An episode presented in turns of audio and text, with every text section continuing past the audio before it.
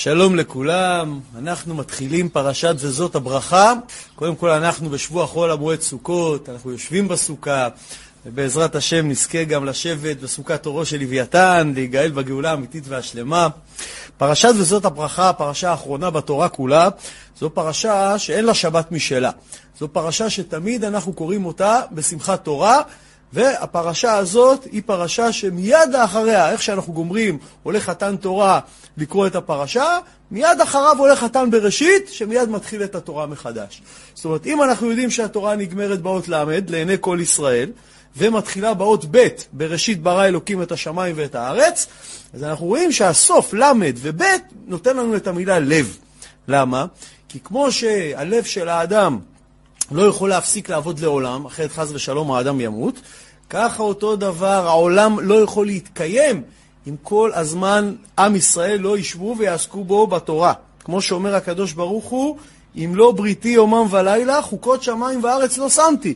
זאת אומרת, אם כל הזמן, כמו הלב של האדם לא יעבוד, אותו דבר, אם כל הזמן לא בריתי יומם ולילה, לא יהיה סביב העולם יהודי שיושב ולומד את התורה, חוקות שמיים וארץ לא שמתי. אין שום סיבה לקיים את כל חוקי הטבע.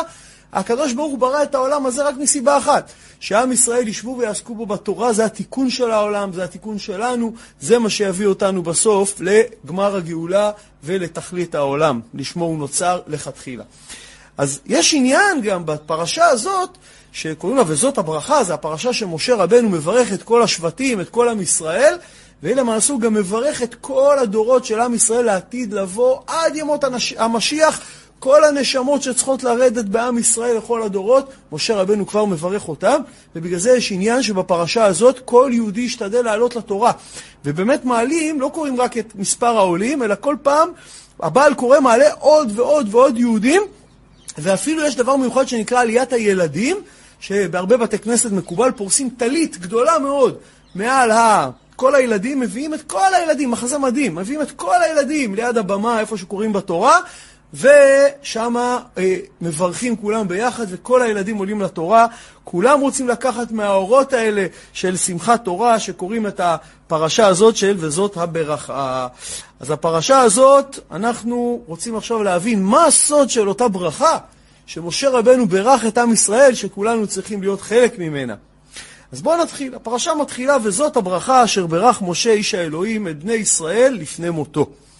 אז קודם כל, יש פה שאלה, מה, לפני מותו? מה, אחרי מותו? ברור שלפני מותו. מה, מה העניין פה? אז אנחנו רואים ברכה, כדי שיהיה לה תוקף, צריך שיהיה כמה נתונים. למשל, מי ברך, את מי ברך, ומתי ברך. אז כמובן, הפסוק הראשון סוגר לנו את כל השאלות. אז אנחנו רואים, משה איש האלוהים הוא זה שברך, את מי? את בני ישראל, ומה העיתוי לפני מותו. ואנחנו רוצים לשאול למה לפני מותו, מה כל כך מיוחד, למה לא ברך אותם באמצע חייו? למה לא ברך אותם שיצאו ממצרים, שחצו את הים? היו הרבה מאוד הזדמנויות למשה לברך. למה דווקא בעיתוי הזה משה בוחר גם לברך? ואנחנו רואים שהרבה פעמים גם בעיתוי הזה של לפני המוות, זה זמן טוב שאדם יכול להוכיח את בניו. זאת אומרת, אנחנו יודעים שיעקב אבינו למשל, שגם ברך את השבטים, אסף אותם סביב המיטה שלו, הוא גם הוכיח אותם בזמן הזה וגם ברך אותם. אז יש עניין דווקא בזמן הזה, למשל, אחד הדברים זה שבזמן הזה שהאבא גוסס, ובאים כל הבנים מתקבצים סביבו, זה זמן שכולם מקשיבים קשב רב. אולי זה המילים האחרונות של האבא, לא יהיה יותר הזדמנות לשמוע את האבא. אז גם אם האבא מוכיח אותם בזמן הזה, מקשיבים לו, לא מתווכחים. מה, עכשיו תריב עם אבא לפני שהוא מת? אין עניין. אם היה, למשל, יעקב מוכיח את בני ישראל, את השבטים בחייו, יכול להיות שהיה מסתכסך איתם, היו לא היו מדברים איתו, לא היה רואה אותם, אבל ככה לפני מותו אין, אין חשש כזה, אף אחד לא ילך. חוץ מזה, יכול להיות אולי האבא יגלה איפה הוא החביא איזה אוצר, אולי איזושהי ירושה שלא שמענו עליה. זה זמן טוב, כולם מקשיבים, זה זמן גם לברך וגם לתת תוכחה בזמן הזה. דבר שני, אומרים לנו חז"ל שאדם, בזמן הזה לפני מותו, מתגברים כוחותיו, מקבל יותר כוחות קודש. ובזמן הזה שיש לו יותר כוחות, למה? כי מה, הלוא כל העולם הזה אנחנו חומריים, והחומר, הוא מונע מאיתנו להתקרב לאלוקות. הלוא הגוף זה מלשון מגוף, הוא כמו שהתריס מגיף על אור השמש, הגוף מגיף על הנשמה. והחומר מונע מאיתנו להיות רוחניים, מונע מהנשמה שלנו להתקרב לקדוש ברוך הוא. אבל אדם שהוא בא לקראת המוות, כבר החומר מזדכך, הוא כבר לא כל כך מחובר לגוף שלו. הרבה פעמים, וזה המון סיפורים אני שמעתי, שאנשים שגססו ממש בשעה האחרונה למוות התחילו לראות דמויות רוחניות, התחילו לראות קרובי משפחה שנפטרו כבר, שבאו לקבל את פניהם והם רואים אותם, ואנשים חושבים שהם הזויים, או שזה סמים, או שהמורפיום או משהו, אבל לא, זה אמיתי, הם פשוט מתחילים לראות מהויות רוחניות שכל עוד בעודם היו אה, בשיא תוקפם, בתוך הגוף החומרי, הנשמה, הם לא היו יכולים לראות את זה, אנחנו מוקפים הלוא במהויות רוחניות. והנה, בזמן הזה גם כוחו הרוחני של האדם מתגבר בגלל הזיכוך הזה של החומר. למשל, אנחנו יודעים שאלישע, הנביא, שירש את הנבואה מאליהו הנביא, בא אמר לו דבר מאוד מוזר, אומר, ויאמר אלישע, והנה פי שניים מרוחך אליי. זאת אומרת, אלישע אומר לאליהו, דקה לפני שאליהו מסתלק מן העולם, תן לי פי שתיים, תברך אותי שיהיה לי פי שתיים מהכוח שהיה לך אה, בעולם הזה. אז לכאורה, איך הוא יכול? הוא יכול לתת לו מקסימום מה שהוא היה לו. איך הוא יכול לתת לו פי שתיים? ויאמר, ואלישע אומר לו, ויאמר, הקשת לשאול, איך אתה מבקש דבר כזה? אם, תור, אם תראה אותי לקוח מאיתך, יהיה לך כן, ואם אין לא יהיה. הוא אומר, אם אתה תראה איך שאני מסתלק מפה, את המרכבה עם האש וכל זה, אתה תדע לך שכן תקבל. ובאמת בירך אותו, והיה לאלישע פי שתיים כוח מאליהו הנביא בהקשר הזה. אז גם משה בעיתוי הזה, שהכוח שלו מתגבר, זה הזמן הכי טוב לתת מהכוח הזה גם ליהושע וגם לברך את השבטים. עכשיו ממשיכה התורה, ויאמר, אדוני מסיני בא, וזרח משעיר למו, הופיע מהר פרן, ואתה מרבבות קודש, מימינו אשדת למו. לכאורה פסוק מאוד מאוד לא ברור, בכלל כל הפרשה הזאת מאוד קשה בלי, הפר, בלי הפרשנות ובלי רש"י להבין אותה. אנחנו נפרק פה מילה מילה, נבין על מה הפרשה מדברת. יש פה המון סודות גם לנו כעם ולנו ברמת הנפש. אז קודם כל, ויאמר לאמור מסיני בא. מה זה מסיני בא? השם בא מסיני. אומרים לנו שהקדוש ברוך הוא, למה מסיני בא? למה לא לסיני בא? הלוא בני ישראל, לאן הם באו? להר סיני. לא. אומרים לנו שהקדוש ברוך הוא כמו שחתן שעומד, מחכה לכלה שלו בחופה, נכון? החתן עולה ראשון, ואז הכלה מגיעה עם כל הילדות, עם הפרחים שזורקים לה, ואז מה עושה החתן? יורד השלוש מדרגות מהחופה, מכסה, מה שנקרא, את ההינומה על ראש הכלה, ואז היא גם אומרת, הוא יוצא לקבל את פני הכלה שלו. אותו דבר הקדוש ברוך הוא, הלוא הר סיני זה מה שנקרא אה, אה, טקס הכלולות בין עם ישראל לקדוש ברוך הוא, כמו כל שיר השירים. אז הקדוש ברוך הוא יצא לקראת בני ישראל לקבל את פניהם. אז כתוב, השם מסיני בא, מאיפה הוא בא? לקבל את בני ישראל. עכשיו, מה זה אה, וזרח משעיר לעמו? זאת אומרת, יש פה גם שאלה, שעיר, שעיר, מי היה גר בשעיר? אדום, עשיו, החבר'ה של עשיו. והופיע מהר פרן, שם היו גרים ישמעאלים, הישמעאל. זאת אומרת, מה הקדוש ברוך הוא עשה אצלהם? זאת אומרת, למה בשעיר היה עשיו? עשיו קרא להר שלו שעיר כל הזמן, תראו כמה שנאה היה לו ליעקב, שכל הזמן הוא יזכור שיעקב בשעיר עזים, גנב לו את הברכה שלו, שעשה לאבא שלו את המטעמים משעיר עזים, ולקח את האורות של השעיר, שם על הידיים, אז כל הזמן שהוא יזכור, אפילו להר שלו הוא קרא שעיר מרוב שנאה. אז הקדוש ברוך הוא הלך אל עשיו ואל ישמעאל לפני שבא לעם ישראל. בשביל מה? מה הוא עשה שם? אז אומרים לנו במדרש, במחילתא, לרבי ישמעאל, שהקדוש ברוך הוא קודם כל הציע את התורה לכל העמים, כדי לראות אולי הם ייקחו את התורה. אז אומר לנו, מה אומרת לנו, אומר המדרש? אומר, נגלה על בני עשיו ואמר להם, מקבלים עליכם את התורה? אמרו לו, מה כתיב בה? אמרו, רגע, רגע, רגע, מה מקבלים? מה כתוב שם? אמר להם, לא תרצח. אמרו עשיו, מה לא תרצח? הלוא מה הירושה שאבא שלנו הריש לנו? על חרבך תחיה. איך ניקח את התורה? טוב, הלך לבני עמון ומואב. אמר להם, אתם מקבלים את התורה? אמרו, מה כתיב בה? אמר להם, לא תנאף. אמרו, איך לא תנאף? הלו, כל המהות שלנו זה איך נוצרנו, ותארנה שני בנות לוט מאביהן. זאת אומרת, כל המהות שנוצרנו, של לוט ובנותיו במערה, זה היה מין יעוף. אתה אומר לנו, לא תנאף? זה על השורש שלנו. הלך, נגלה על בני ישמעאל, אמר להם, מקבלים אתם את התורה. מה אמרו? מה כתיב בה? כמובן, אף אחד לא מקבל בלי לבדוק את החוזה. אמר להם, לא תגנוב. אמרו לו, איך לא תגנוב? הלוא כל הברכה שברך אותנו אבינו, והוא יהיה פרא אדם. זאת אומרת, כל העניין הזה, הלוא מה אמר יוסף? גנוב גונבתי. מי גנב אותו? אורחת ישמעאלים. זאת אומרת, הישמעאלים, המהות שלהם זה הגנבים. אומרים, אנחנו לא יכולים לקבל את התורה. מה עשה? הבא לעם ישראל. מה אמרו עם ישראל? נעשה ונשמע. לא בדקו את החוזה. אמרו, קודם כל, מה שהקדוש ברוך הוא אומר, אנחנו עושים. אחר כך נשמע מה צריך לעשות עוד, ואיך לקיים והכל. אז קודם כל, הקדוש ברוך הוא נותן לנו, מה שנקרא, את ההיסטוריה, למה הוא כל כך אוהב את בני ישראל. שהוא הלך לכל העמים, מה זה הלך לעמים? הוא הלך לכל עם, לכל אומה יש שר בשמיים שממונה עליה. שהשר הזה הוא למעשה, אם הוא כוחו גובר, כוח האומה למטה גובר. ואם השר הזה למעלה כוחו נחלש, האומה נחלשת. אם יש מלחמה בין עמים, השרים למעלה נלחמים, ואם שר אחד, מה שנקרא, גובר על השר השני, העם יפסיד, העם שהשר, שהפסיד, גם העם יפסיד. אז הקדוש ברוך הוא הלך לכל השרים של כל העמים בעולם הרוחני, וכמובן הם מייצגים את אותה תאווה, את אותו שורש תאווה, ולא רצו לקבל את התורה. למשל, אחד הדברים, עכשיו אנחנו בחודש, בשבוע סוכות, אז אחד הדברים שהיו עושים בסוכות, היו מקריאים 70 פרים בבית המקדש, בסדר הולך ויורד, כדי להוריד שפע ל-70 אומות העולם. למה היו עושים את זה? לא סתם. מה, אנחנו כל כך אוהבים אותם? לא. הלוא לכל אומה יש שורש מקולקל, ראינו רצח וניאוף וגניבה, כדי שהפרים האלה יתקנו את אותו שורש מעוות באותו, באותו, מה שנקרא, באותה אומה, כדי שאותו דבר בנפש על עם ישראל יתוקן, אותה מהות שבשבילה הקרבנו פר לאותה אומה, אותה מהות באותו רגע נתקנה בעם ישראל.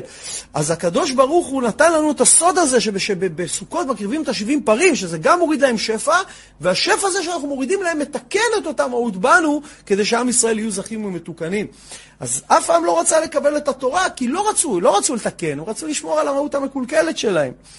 אבל מה עשה הקדוש ברוך הוא? מיד בא לעם ישראל, ויענו כל העם, ויחדיו ויאמרו כל אשר דיבר השם נעשה. זה כמובן מספר שמות.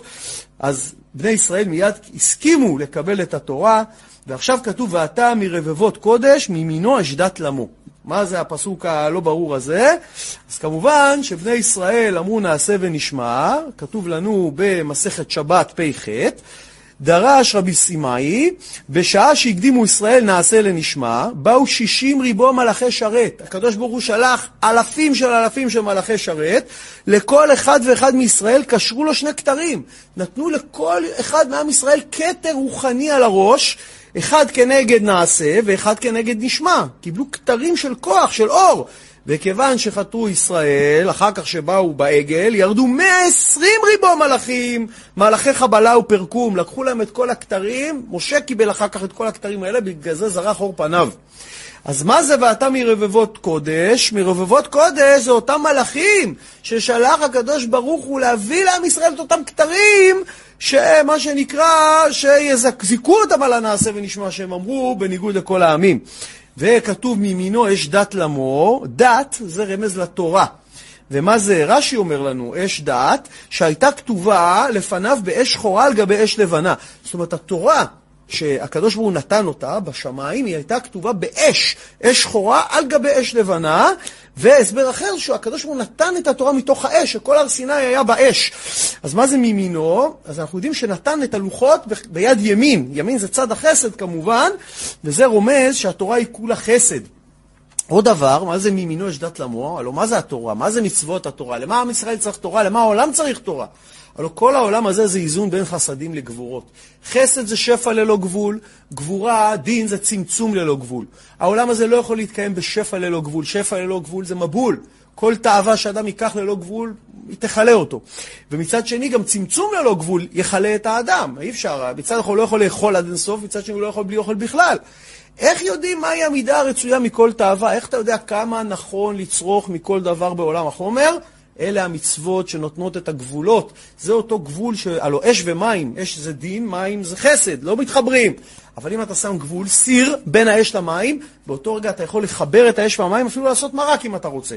אז מהי התורה? כתוב מימינו זה חסד, אש, דין, דת לעמו. זה התורה שהיא הגבול המחבר בין החסדים לגבורות.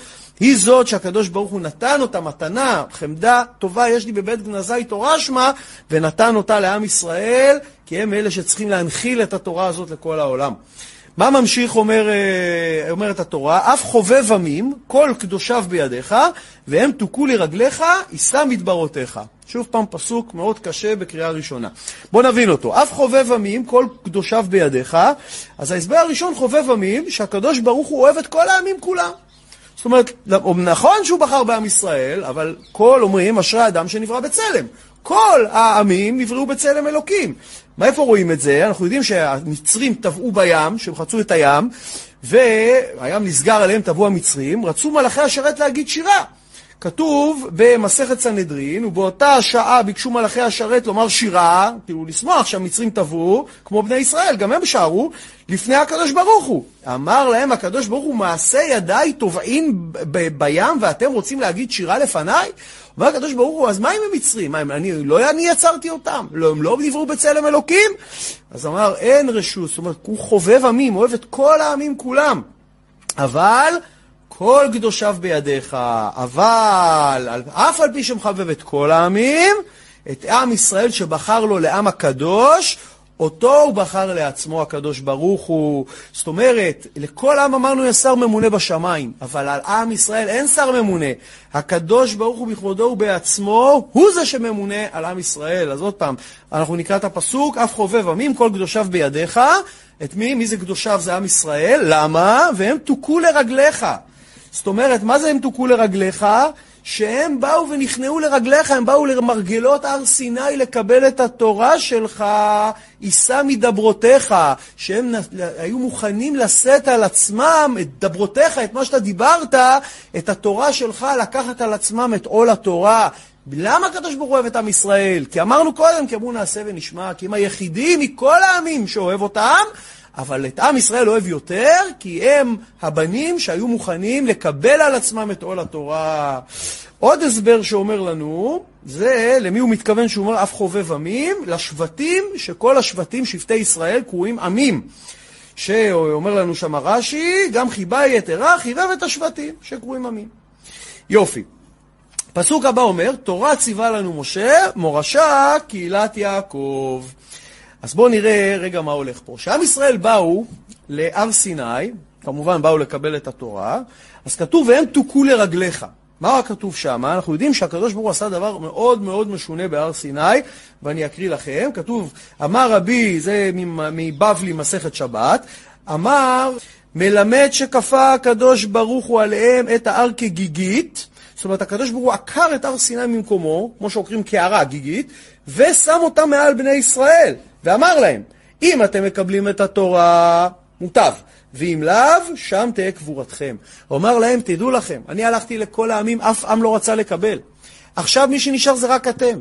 אם אתם תקבלו את התורה, אני מקיים את העולם. ואם אתם לא מקבלים את התורה, אני קובר, פה, מוריד עליכם את ההר והורס את כל העולם. אין שום סיבה לקיים את העולם בלי, אם לא יהיה עם אחד שיקבל את התורה ויקיים אותה. זה דבר לכאורה מאוד מוזר, אבל למעשה זה כאילו נתן להם את התורה בכפייה. אנחנו יודעים שאחר כך, בפורים, מה כתוב שם במגילת אסתר? קיימו וקיבלו היהודים עליהם ועל זרעם ועל כל הנלווים עליהם. זאת אומרת, בפורים הם כבר קיבלו את התורה מרצון ומששון. זאת אומרת, יש פה עניין שהקדוש ברוך הוא, למה הוא כפה עליהם את התורה? כי בנפש הפנימית, פנימה פנימה של כל יהודי, אפילו היהודי הרחוק ביותר, הוא רוצה לקיים את התורה.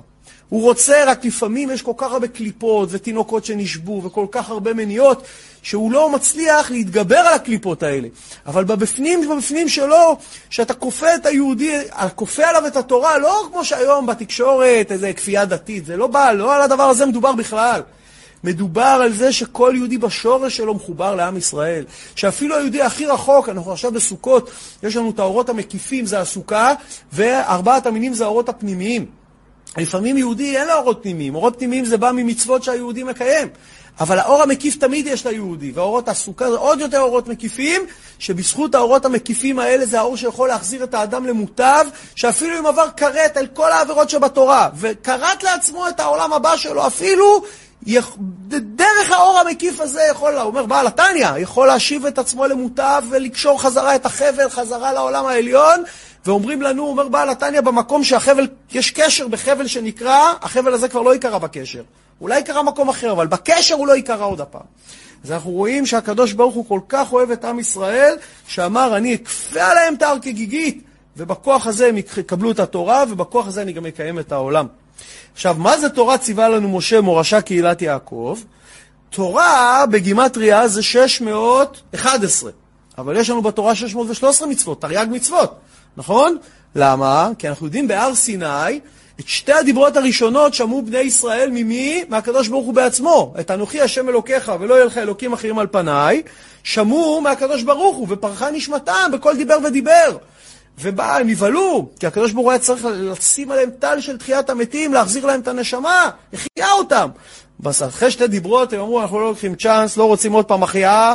ויאמרו אל משה, דבר אתה עמנו ונשמע, ואל ידבר עמנו האלוקים פן נמות. אמרו, אנחנו עזוב, אנחנו לא רוצים לקחת את הצ'אנס הזה. אז מאותו רגע, אחרי שתי הדיברות, את שאר המצוות של התורה, משה נתן להם.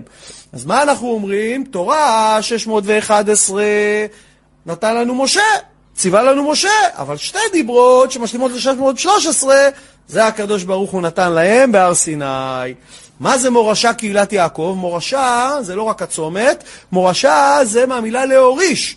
אז כמו שהם קיבלו את התורה ירושה מהאבות, שהאבות היו מקיימים את כל התורה כולה מתוך עצמם, עוד לפני שקיבלו את התורה, וזה הורישו דרך הדורות לבני ישראל, עכשיו בני ישראל מורשה צריכים להוריש את התורה לבניהם עד דור, דור, דור, עד לבוא משיח, בעזרת השם, שיהיה לנו את התורה, ובאמת ראינו את זה, מכל הגלויות חזרנו, אותה תורה, לא משנה מאיזה גלות הגיעו, אותה תורה בדיוק. אין תקדים עולמי לזה שעם בלי תקשורת ובלי אה, אה, שום אמצעים, אה, שקהילות שלמות היו מנותקות, ועדיין אותו ספר תורה עבר מדור לדור, מדור לדור. ויהי בישורון מלך, בהתאסף ראשי עם יחד, שבטי ישראל. אז ויהי בישורון מלך, מתי הקדוש ברוך הוא נהיה למלך על עם ישראל? אז כתוב, בהתאסף ראשי עם יחד, שבטי ישראל. זאת אומרת, בהר סיני, מתי הפעם הראשונה עם ישראל התאסף כעם? בהר סיני, נכון? מה כתוב שם? שם כתוב, ויחן שם ישראל כנגד ההר, למה ויחן ולא ויחנו? אז רש"י מסביר שם, שהם היו בלב אחד, כאיש אחד, שזו הייתה הפעם היחידה, אולי היחידה בהיסטוריה, שעם ישראל היו באמת באחדות. מה שנקרא, בהתאסף ראשי עם יחד. יחד, האחדות זה הדבר הכי חשוב בעם ישראל. והיחד הזה הוא מה ש... ויהי בישורון מלך, המליך, ישורון זה עם ישראל, המליך את הקדוש ברוך הוא באותו מעמד על עם ישראל. זה הסבר אחד. הסבר שני הוא הסבר טכני, ויהי בישורון מלך, זאת אומרת, כדי להמליך מלך על עם ישראל, כמו שאול, דוד, מה צריך לעשות? בהתאסף ראשי עם יחד. זאת אומרת, כל ראשי השבטים, כל גדולי ישראל צריכים להתאסף, ולקבל יחד את המלך הזה באחדות ובערבות אחת, שכולם יהיו מרוצים. וההסבר השלישי, בישיבי בישורון מלך, אנחנו נראה שבפרשה הזאת יש הרבה מאוד רמזים לגאולה העתידית לבוא ולמשיח צדקנו, אז הכוונה למה? למלך המשיח. שמה זה ויהי בישורון מלך? שיבוא מלך המשיח, ומתי הוא ימלוך? באחרית הימים, מתי? בהתאסף עם יחד, שכל עם ישראל יחזרו מכל הגלויות. אנחנו כבר התרגלנו לזה שאנחנו חיים פה בארץ ישראל, אבל הלו, עד לפני 70, 80, 100 שנה, בקושי היו פה יהודים. אז אומרת התורה כבר מלפני 3,500 שנה, בהתאסף עם יחד, שבטי ישראל, שכולם יתאספו, אז ויהי בישורון מלך, אז יבוא גם מלך המשיח במהרה בימינו. ועוד דבר כמובן בפנימיות התורה, ויהי בישורון מלך, מה זה מלך? מלך זה ראשי תיבות מוח, לב, כבד.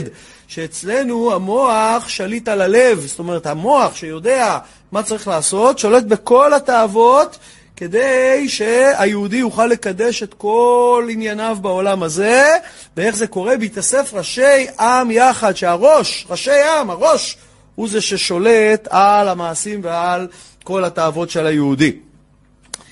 עכשיו מתחיל משה לחלק ברכות לכל שבט ושבט לפי הכוח שהיה ראוי אה, לתת לכל אחד ואחד. אבל לפני שניכנס לכל הברכות שהוא נותן, יש פה רגע שאלה כללית כזאת. הלוא הפרשה נקראת וזאת הברכה. כי היא מתחילה במילים וזאת הברכה, אשר ברך משה איש האלוקים ובני ישראל לפני מותו. ויש פה שאלה מאוד גדולה. הלוא לכאורה, אם, אם באמת הייתה ברכה אחת, אז לא היה צריך, אז לא, לא היה צריך פרשה שלמה שהוא עובר שבט שבט ואומר אה, ראובן ככה ולוי ככה ויהודה ככה. לא, היה אומר ברכה אחת וסוגר עניין. אבל אנחנו רואים שבפרשה הוא מברך כל שבט בנפרד. אז לכאורה אולי הייתי מצפה שהתורה תגיד, ואלו הברכות אשר ברך משה בני ישראל. זאת אומרת, לא וזאת הברכה, אלא ואלו הברכות. אבל אף על פי כל זה, התורה אומרת, וזאת הברכה ביחיד. ומפה אנחנו מתחילים להבין מסר מאוד חשוב, שלמעשה השלם הוא הרבה יותר מסכום חלקיו. זאת אומרת שגם אם אני אקח את כל הברכות שקיבלו השבטים בנפרד, עם, הברכות האלה הן טובות, אבל דווקא מתי כל הברכות האלה מקבלות משמעות? שכל עם ישראל מתאחד יחד, אז כל אחת מהברכות האלה שמצטרפת לברכה של השבטים האחרים, יחד אנחנו מתחילים לקבל מהות חדשה. אז הרמז שאנחנו מקבלים בעניין הזה, שהתורה מדברת בלשון יחיד, שנדע שכוחה של הברכה המאוחדת, שהיא תוצאה של כל הברכות של כל השבטים, שהן מצטרפות יחד, הוא הרבה יותר חזק מכוח של כל הברכות, כאשר הן כולן, אה, מה שנקרא, בנפרד. בגלל זה מה כתוב? בהתאסף ראשי עם יחד שבטי ישראל. זאת אומרת, היחד שמתאספים יחד, זה נותן כוח לעם ישראל. ומשה עשה פה דבר מאוד מתוחכם. מה הוא עשה? משה יודע שיש פה סכנה גדולה מאוד, שאחרי מותו יכול להיות שעם ישראל לא יהיו ראויים להמשיך ולקבל את הברכות. זאת אומרת, מה אומר הקדוש ברוך הוא למשה? ויאמר השם אל משה, זה בספר דברים. הנך שוכב עם אבותיך, אתה תמות, וקם העם הזה וזנה אחרי אלוהי נכר, נכר הארץ.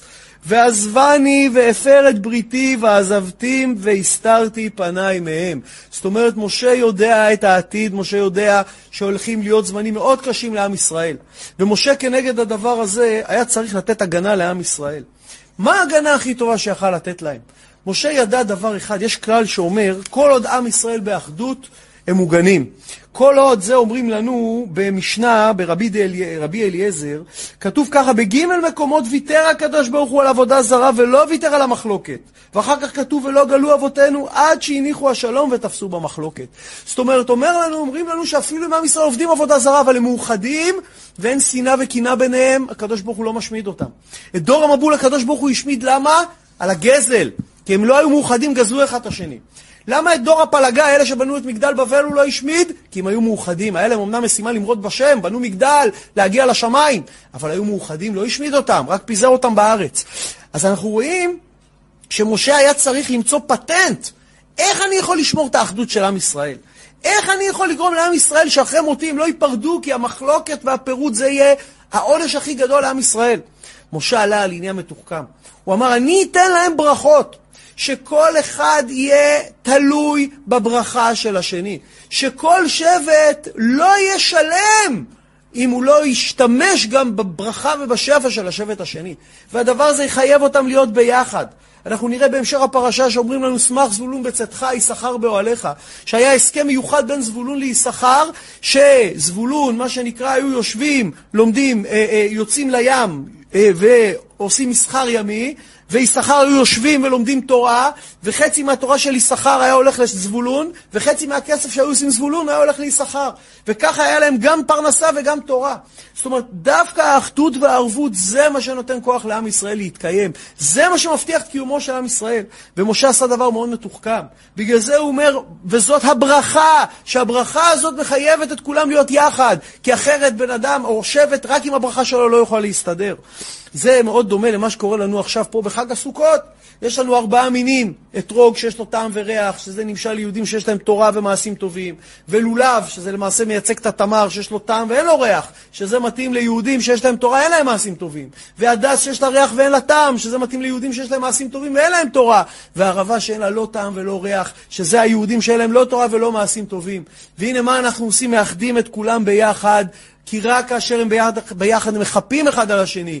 האתרוג מחפה על הערבה, נותן לה מהתורה ומהמעשים הטובים שלו, וההדס מחפה עם המעשים הטובים שלו על הלולב, והלולב עם התורה שלו מחפה על ההדס, וכשעם ישראל ביחד ומנענעים אותם, אף עם לא יכול לנענע אותם, כי האחדות זה הדבר הכי חשוב. פה מסופר, היה זקן אחד חולה, שלפני המוות קרא לילדים שלו, ואמר, אני רוצה לתת לכם מה שנקרא סיפור. אמר, תביאו לי צרור קנים.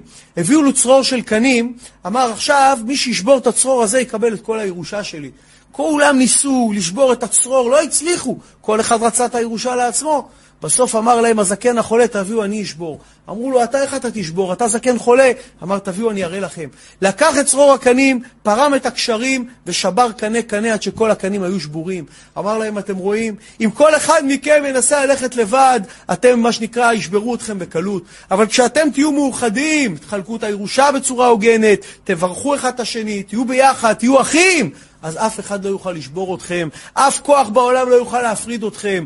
רק כשאתם לבד אתם חלשים ויכולים לשבור אתכם בקלות. אז אם ככה אנחנו רואים שגם אותו העניין, אותו עיקרון של ערבות, כי כל ישראל ערבים זה לזה, את הדבר הזה רצה משה להנחיל, אבל אם הוא היה רק אומר להם את זה, זה לא היה עובד.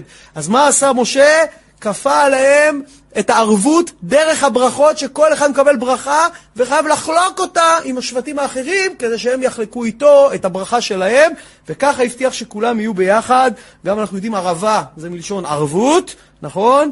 וכולם גדלות ביחד, וההדסים, כולם יוצאים שלוש עלים מאותו שורש, זה גם איזשהו קשר לאותו שורש, והלולב, כל העלים על אותה שדרה, זה גם הולכים באותו כיוון, והאתרוג נקרא פרי עץ הדר, כי הוא דר באילן משנה לשנה, שהוא מאחד את כל עונות השנה, שהוא כל השנה, במה שנקרא, זה רמז לאחדות גורל, שלא משנה בזמנים הקשים, בזמנים הקלים, בזמנים הטובים, בזמנים הבעייתיים, כל הזמן הוגדר באילן, זה גם כמו מאחד את עם ישראל, והדבר הזה, משה, דרך הברכה, הנחיל לעם ישראל.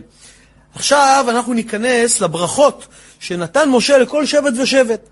יחי ראובן ועל ימות, ויהי מיטב מספר.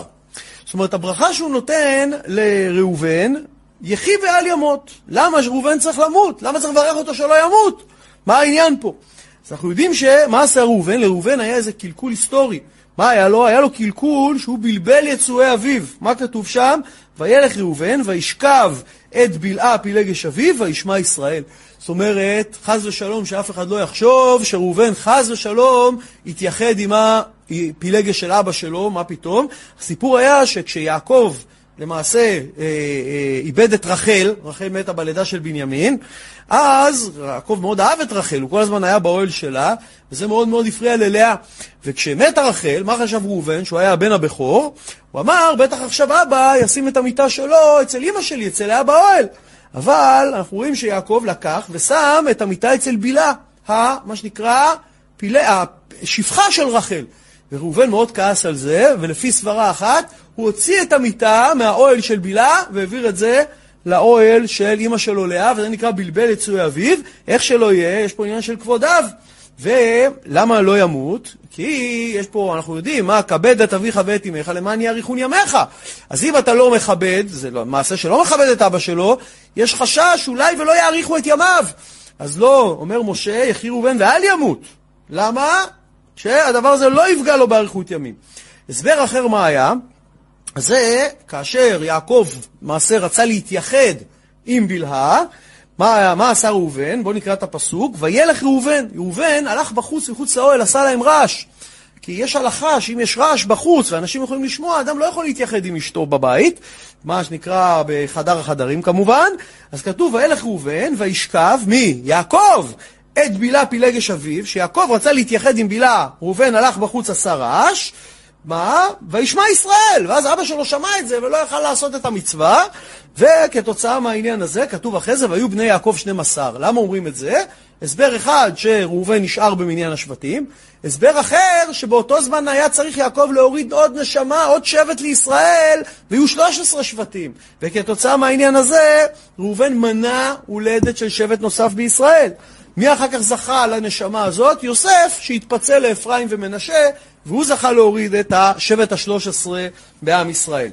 אז מה, מה זה ועל ימות? אה, למעשה, על ימות שלא ימות, אומר לנו רש"י, לא בעולם הזה, יחי בעולם הזה, ואל ימות לעולם הבא. זאת אומרת, תכף נראה מה קורה ליהודה, אז נבין שגם הנשמה ממשיכה, לא, העולם הזה לא נגמר פה ברגע שהאדם מת. לנשמה יש המשך קיום בעולם הבא, האדם הוא נצחי, ומברך אותו שיהיה לו חיי נצח. מה אומרים לנו עוד? אומרים לנו שבני ראובן, עכשיו אנחנו כבר עזבנו את ראובן האבא, ואנחנו חוזרים לשבט ראובן. בני ראובן, הלא הם החליטו להשתקע בעבר הירדן המזרחי. וכתוצאה מזה שהם כבר מצאו את הנחלה שלהם, משה השביע אותם, שהם צריכים לצאת חלוצים לפני כל עם ישראל, עד שכל עם ישראל לא גומרים לכבוש את הנחלות שלהם ולהתיישב, הם לא יכולים, מה שנקרא, לקבל, לחזור חזרה לנחלה שלהם. הוא אמר להם, מה, אתם תשבו פה ואחיכם ילכו למלחמה? אז הם אמרו, לא, אנחנו מתנדבים לצאת ראשונים, הם היו גיבורים. אז הוא אומר, יחי ואל ימות, יחי ראובן ואל ימות, שברך אותם משה שכל אותם חלוצים שיצאו להילחם עבור אחיהם, ישובו חזרה בריאים ושלמים מהמלחמה, ולא רק זה, זה 14 שנה, המון זמן. גם בבית, את מי שהם השאירו, גם הזקנים והילדים והנשים, גם מהם לא ימות אף אחד עד שאחרון הלוחמים חוזר. על הדבר הזה ברך אותה משה. דבר השני, כתוב עכשיו על יהודה, וזאת ליהודה, ויאמר שמע השם כל יהודה, ואל אמות הביאנו, ידיו, לא, ידיו רב לו, ועזר מצריו תהיה. שוב, פסוקים מאוד לא פשוטים, סתומים קצת, נבין אותם. אז מה הוא אומר לו? וזאת ליהודה. מה אומר וזאת ליהודה? אותה ברכה שנתתי לראובן, שלא ימות, גם ליהודה אני רוצה לתת את הברכה הזאת. למה? כי גם יהודה, כמו ראובן, היה לו קלקול שעשה עליו תשובה. הלו יהודה, הוא, הלו גם ראובן, היה לו עניין בבחירת יוסף. ראובן רצה להציל את יוסף, אז מה הוא אמר להם? הוא פחד קצת משמעון ולוי, אז הוא אמר, תשליכו אותו לבור. אם הוא יהיה חי, אז כמעט אפשר להציל אותו. וכשבא ראובן לבור, ראה שיוסף איננו בבור. אז נתן עצה לא טובה. ויהודה, מה הציע? למכור אותו לישמעאלים. ועל הדבר הזה אחר כך יהודה ירד מגדולתו.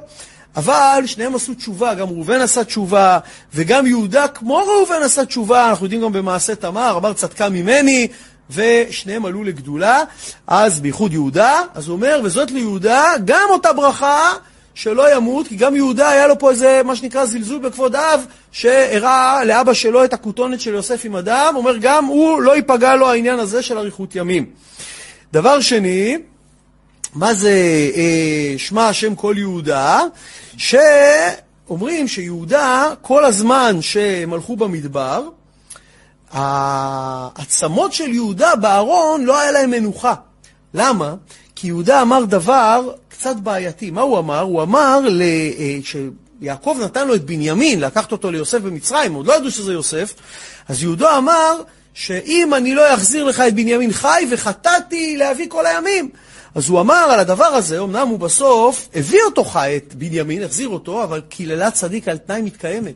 ויהודה נתן פה קללה על תנאי, ועל הדבר הזה לא היה לו מנוחה לעצמות שלו בארון כל הזמן, מה שנקרא, שמע את כל יהודה, תראה, תשמע את הקול של העצמות שלו זזות, תרחם עליו, אומר אה, אה, משה, מברך אותו.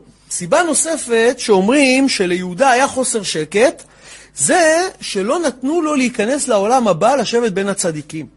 ואז, מה הוא אומר? אומר, משה מתפלל עליו. מה הוא אומר לו? שמע כל יהודה. זאת אומרת, תשמע, לא, לא נותנים לו לתת לו להיכנס. אומר לו, אל אמות הביאנו, תביא אותו, תן לו שיכניסו אותו לגן עדן, שיוכל לשבת בין הצדיקים. שמע הקדוש ברוך הוא את התפילה שמשה הכניס אותו לגן עדן. אבל אז, מה, לא, מה עושים הצדיקים בגן עדן? יושבים דברי תורה, לא נתנו לו להשתתף בדיון. עוד פעם יהודה היה, מה שנקרא, עצוב מהעניין הזה. אמר משה עוד פעם, אמר, שמע השם כל יהודה, שישמעו, תנו, תנו לו שישמעו את דעתו. נתן לו שישמע את קולו, אבל אז ראה שלא מקבלים את דעתו, שלא שומעים את הטיעונים שלו, שומעים את הטיעונים שלו, לא מקבלים את דעתו. אז מה אמר? אמר, אבל ועשר מצריו תהיה, תדאג שגם יסכימו לקבל את דעתו, וגם הסכימו לקבל את דעתו.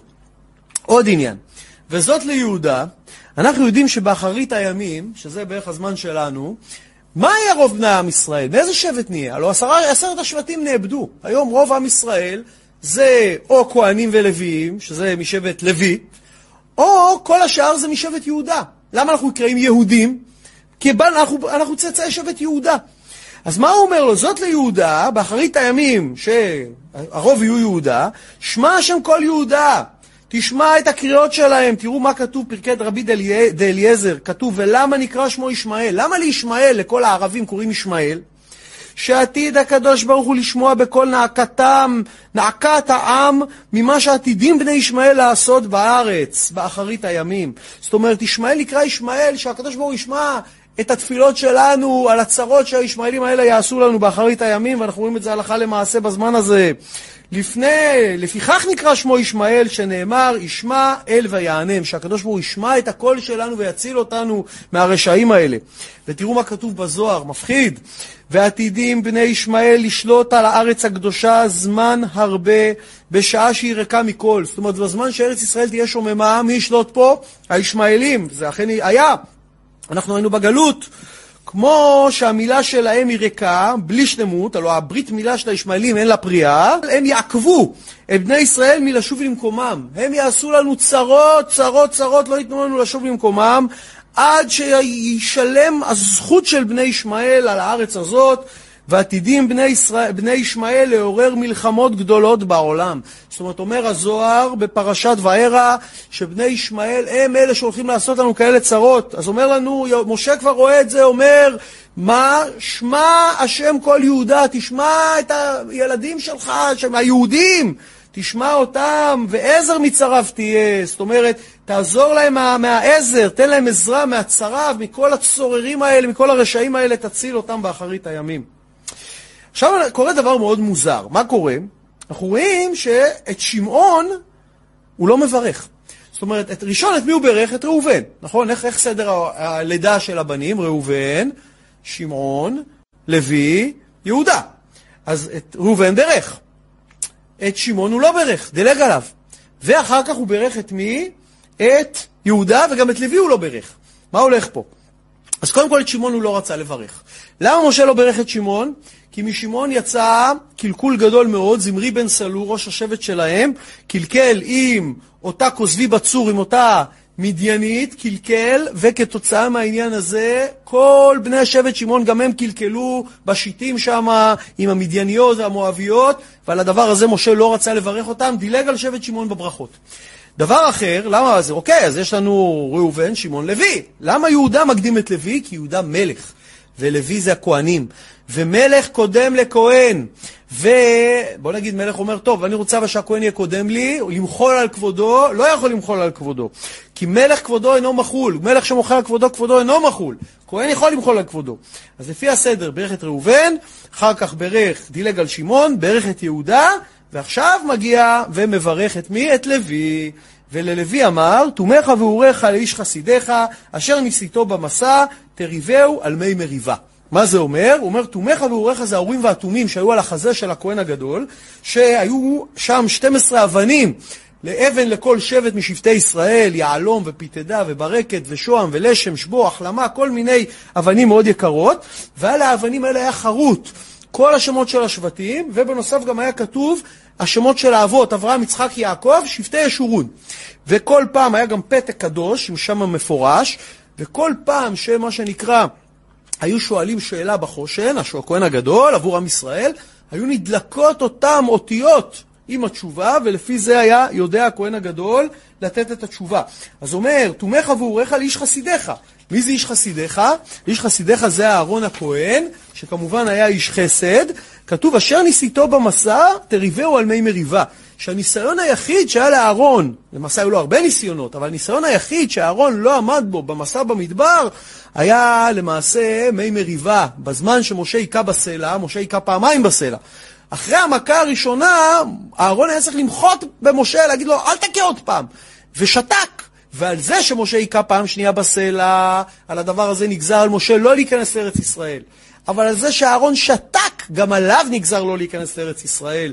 עוד עניין שיש פה, זה אומר לנו רש"י, אשר ניסיתו במסע, הוא פה מתייחס לכל בני שבט לוי, שהם היו היחידים שלא התלוננו. הלוא עם ישראל כל הזמן התלונן, זכרנו את הקישואים, את האבטיחים ממצרים, ובני לוי היו היחידים שקיבלו באהבה ולא התלוננו על מה שנקרא, על התנאים במדבר. אז ניסיתו במסע, עמדו בכבוד בניסיון.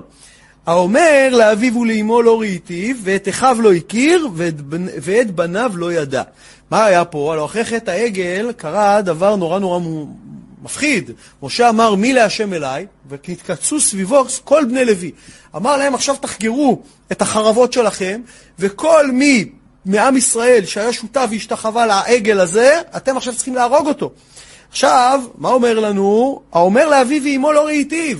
מה זה אביו ואמו? הרג, מה, זה לא יכול להיות אבא שלו, כי אבא שלו הוא גם לוי. אבל את האבא של אימא שלו, הלוא אימא לוי התחתן עם מישהי מישראל, אז היא לא במקור לוי, אבא שלה הוא לא לוי. ואם האבא הזה השתחווה לעגל, היה צריך להרוג את חמו. זאת אומרת, בעיקרון, אתה צריך לתת לחם שלך כבוד כמו לאבא שלך. אבל פה לא היה כבוד, כי עבדו עבודה זרה, לא הכיר, לא עשה חשבון, ולא את אחיו, ו... מה זה אחיו? אחיו, הלוא אם זה אחים, אחים רגילים, אז גם הם לוויים, אז לא יכול להיות שהם השתחוו לעגל, לא. הכוונה, אחים של אמו, גם אותם הרג אם אמו הייתה מישראל, ואת בניו, לא ידע, עוד פעם, לא הכוונה לבנים שלו, הכוונה לנכדים שלו, שאם הבת שלו התחתנה עם ישראל, והילדים שלו עכשיו הם הנכדים שלו, אם היו, אה, מה שנקרא, כבר מישראל והשתחוו לעגל, גם אותם היה צריך להרוג, ואומר לא עשה חשבון, זה נשמע לנו במונחים של היום מאוד נורא ואיום, אבל אם הקדוש ברוך הוא ציווה שהנשמות האלה, זה התיקון שלהם, אז זה התיקון שלהם. כמו שבדור המבול, התיקון היה שמחק את כל הנשמות מהעולם. אין, מה שנקרא, אין רע יורד מלמעלה, הקדוש ברוך הוא, אנחנו לא יודעים חשבונות שמיים. מה עוד אומרים לנו על בני הלוי האלה? כי שמרו אמרתך ובריתך ינצורו. מה זה שמרו אמרתך? ששרו, מה שנקרא, את התורה, הם, הם מה שנקרא בני לוי, כבר במצרים, הם שמרו את התורה. זאת אומרת, מה היה במצרים? שפרעה החליט לשעבד את בני ישראל, איך הוא שיעבד אותם? הוא לא ישר בא ונתן להם עבודה. הלוא בני ישראל היו כמו נסיכים במצרים, אבל הוא נבהל מהם פרעה, אמר, הלוא באו החכמים, אמרו לו, פן אה, ירבה ועלה ונוסף על שונאינו. אז מה, מה אמר אה, פרעה? אמר בואו נעשה להם תרגיל. אנחנו נגיד להם, לבני ישראל, שאנחנו רוצים לבצר את מצרים, וכתוצאה מהעניין הזה הם יתחילו לעבוד, ואז נשעבד אותם. אז באו, כולם אמרו, לא נעים, פרעה מבקש עזרה, נעזור לו. מי לא עזר? לוי. לוי אמרו, אנחנו לומדים תורה, אנחנו לא מתעסקים. הלכו, עשו לבנה אחת רק בשביל העניין הזה. אז מה יצא מזה? יצא שלוי נשארו כהני הדת של עם ישראל. הם לימדו כי שמרו אמרתך, הם שמרו את התורה, ובריתך ינצורו. וגם היו מלאים את הילדים שלהם במצרים, בזמן שעם ישראל לא מעלה את ילדיו. אז כיוון שבמצרים היה חוק שעוד יוסף חוקק, שכל הכהנים הם מה שנקרא פטורים מכל מה שקשור לשעבוד ועבודות, הלא כתוב, רק את אדמת הכהנים לא קנה יוסף הכוונה, כי חוק לכהנים מאת פרעה. זאת אומרת, כיוון שהיה חוק, לא רק כהני ישראל, כל כהני הדת במצרים היו פטורים ממיסים, פטורים מכל המטלות, הלוויים זכו, בגלל שהם דבקו בתורה, להיות פטורים מהשעבוד הזה. אז הם, מה שנקרא, בגלל זה הם גם קיבלו את התפקיד לאחר מכן, ובריתך ינצורו שגם במדבר הם היו היחידים שמלו את ילדיהם. זאת אומרת, עם ישראל לא מל במדבר. אנחנו יודעים שיהושע, לפני שנכנס לארץ ישראל, עשה ברית מילה לכל עם ישראל. אבל למה לא מלו? יש עניין עם רוח צפונית שהיא מרפאה את הברית, אה, סיפור שלם, אבל אנחנו יודעים שהלוויים כן היו מלאים במדבר. יורו משפטיך ליעקב, תורתך לישראל. זאת אומרת, כיוון ש... מה זה יורו משפטיך ליעקב תורתך לישראל? היה במצרים, אמרנו שבהתחלה עם ישראל עבדו שבעה ימים בשבוע. אבל אז משה, שעוד היה נסיך מצרים, בא לאבא שלו לפרעה, אמר, תשמע, אתה, יש לך עבדים, עוד מעט לא יהיה לך אף עבד. הוא אמר לו, למה? הוא אמר, כי אתה מעביד אותם נונסטופ, ללא הפסקה. תן להם יום אחד מנוחה, אתה תראה שהפריון יגדל. פרעה קנה את העניין הזה. וכמובן, משה כיוון שבשבת ינוחו העבריים מהעבודה. טוב, נחים מהעבודה, מה עושים בשבת? ישבו הלווים, לימדו אותם את התורה. הדבר הזה, יורו משפטיך ליעקב, תורתך לישראל, זאת הכוונה. ישימו קטורה באפיך וחלילה למזבחיך. זאת אומרת, משה משבח את הלוויים על כל הדבקות שלהם בקדוש ברוך הוא לאורך כל הזמן הזה. אז הוא אומר, מה זה ישימו קטורה באפיך? שהם זכו לעשות את עבודת, עבודת הקטורת, וכליל, כליל הכוונה לעולה, לקורבן העולה שעולה כליל, נשרף כולו, על מזבחיך. זאת אומרת, למה הם זכו להיות אלה שעובדים את עבודת בית המקדש? בגלל הדבקות שלהם בתורה, ובגלל זה שבזמן שכולם הלכו והתלוננו ובכו ועזבו, הם כל הזמן, ועשו עגל, הם דפקו בתורה, הם כל הזמן הלכו עם הקדוש ברוך הוא, הקדוש ברוך הוא אינו מקפח שכר בריאה, על הדבר הזה הם זכו לתפקידים המיוחדים שלהם. מה זה ישימו קטורה באפיך? הקטורת, מה זה אף? אף זה יש ארבע מלאכי חבלה. אחד מהם נקרא אף. יש חרון, חימה, אף, שלא נדע מהם. אז אנחנו יודעים שיש סוד בקטורת, שהקטורת, מה? היא יכולה לעצור את מלאך המוות. אנחנו זוכרים את הארון שהתחיל הנגף בעם, יצא עם הקטורת, עצר את מלאך המוות. אז הסוד הזה של הקטורת, זה הם קיבלו שישימו קטורה באפיך, שגם שיש כעס על עם ישראל ורוצה לשחרר את, מלאך, את המלאך האף הזה לעשות נזק לעם ישראל, הקטורת והקורבנות, בזכות הזאת שהלוויים עושים את העבודה, מצילים את עם ישראל מן הדין. עכשיו, מה הוא אומר להם? ברך השם חילו, ופועל ידיו תרצה. אומר, עכשיו הוא מבקש, הברכה ללוי, שאת חילו, את הקורבנות שהם עושים, ואת הקטורת, תקבל אותה מידם. את הקטורת היו מקריבים במזבח הקטורת, ואת הקורבנות בחוץ על מזבח הנחושת, אומר, תקבל אותם, ופועל ידיו תרצה. מה עושים הלווים? הכהנים למעשה, שמשבט לוי, פועל ידיו, מברכים את העם, ברכת כהנים, אז הוא אומר, פועל ידיו תרצה שהם מברכים את העם, שיהיה לרצון, כמו שנאמר, ושמו את שמי על בני ישראל, ואני אברכם. זאת אומרת, הקדוש ברוך הוא אומר, הם ישימו את הידיים, אבל אני אוריד את הברכה דרך אה, אה, אותם כהנים, אותם לוויים, בברכך השם וישמרך, הער השם פניו אליך ויחונקה, יישא השם פניו אליך וישם לך שלום. כל הברכה שפותחת את החסימות לכל יהודי ויורדת דרך הכהנים לעם ישראל. עכשיו, מה עוד אומרים? אומר, עכשיו הקדוש ברוך הוא נותן להם עוד ברכה, אומר, מחץ מותניים קמיו ומסניו מין יקימון. אומר, יש פה כמה הסברים. אחד מהם אומר, שאם יהיו כאלה שירצו לחלוק על הכהונה, להגיד, מה פתאום הם קיבלו את התפקיד הכי טוב?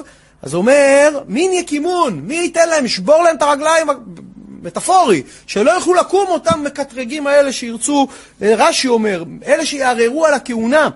הסבר אחר, זה, הוא כבר מכוון לבית עתידים, מה שנקרא בני חשמונאי. מי זה חשמונאי? חשמונאים בחנוכה. מי הם היו? הם היו כהנים משבט לוי, שהם יצטרכו את הכוח הזה, מעטים מול רבים, מול היוונים. אז הוא אומר, מחץ מותניים קמיו ומסניו מי וקמיון, שכל גם המתייוונים וגם היוונים, תן להם את הכוח, שמה שנקרא כבר מהברכה של משה, שיוכלו לעמוד מולם. עכשיו סיימנו עם הלוויים, עוברים לשבט בנימין. ולבנימין אמר ידיד השם, ישכון לבית החלב, חופף עליו כל היום, ובין כתפיו שכן. שוב, פסוק סתום, בואו נברר אותו.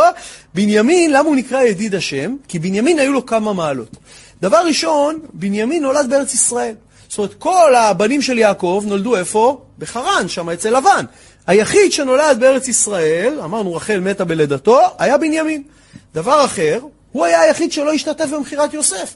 כל השבטים השתתפו, הוא לא השתתף במכירת יוסף. ודבר נוסף, שכל הבנים של יעקב השתחוו לעשו, בנימין עוד לא היה בעולם, אז הוא גם היה היחיד שלא השתחווה לעשו. אז אם ככה, מה הוא אומר? ידיד השם, הוא הכי חביב על השם מהבחינה הזאת. ובין כתפיו שכן, מה הכוונה? אנחנו יודעים שבשטח של בנימין נבנה בית המקדש, משכן הקבע, הר המוריה. אנחנו יודעים שהוא נבנה, מה זה בין כתפיו? החלק הכי יפה בשור זה בין הכתפיים שלו, ראיתם פעם שור, זה כתפיים, חסון. אז בין הכתפיים שלו, זה האזור הכי יפה, אותו דבר בית המקדש, מה ירושלים ערים סביב לה, נכון? איפה הר המוריה? יש מסביב כל מיני ערים, שם משכון, שכן זה רמז למשכן, לבית המקדש. אנחנו יודעים שבית המקדש עמד גם על החלק של בנימין וגם על החלק של יהודה. והרגל אחת של המזבח הייתה בשטח של יהודה, וכל שאר המזבח היה בחלק של בנימין.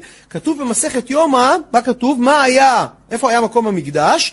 בחלקו של יהודה היה הר הבית והלשכות והעזרות, ובחלקו של בנימין, האולם והיכל ובית קודש הקודשים. היה בחלק של בנימין. אז מה הוא זכה הברכה? שקודש הקודשים יהיה אצלו. עכשיו, יש אומרים שגם משכן שילה, יש דעה כזאת שגם הוא היה איכשהו בחלק של בנימין, שזה גם אה, היה שם. ועכשיו עוברים ליוסף, וליוסף אמר, מבורכת השם ארצו. זאת אומרת, יוסף הוא מברך אותו, שיהיה לו ברכה גדולה מאוד של יבול טוב בארצו. מה זה אומר? שהחלק הכי טוב בכל ארץ ישראל היה בחלק של יוסף. למה? למה יוסף זכה שהוא יקבל את החלק שמוציא את הגידולים הכי טובים? כי מה עשה יוסף? יוסף פרנס את האחים שלו במצרים. שיעקב ובניו ברב ירדו מצרימה, מי פרנס אותם? יוסף.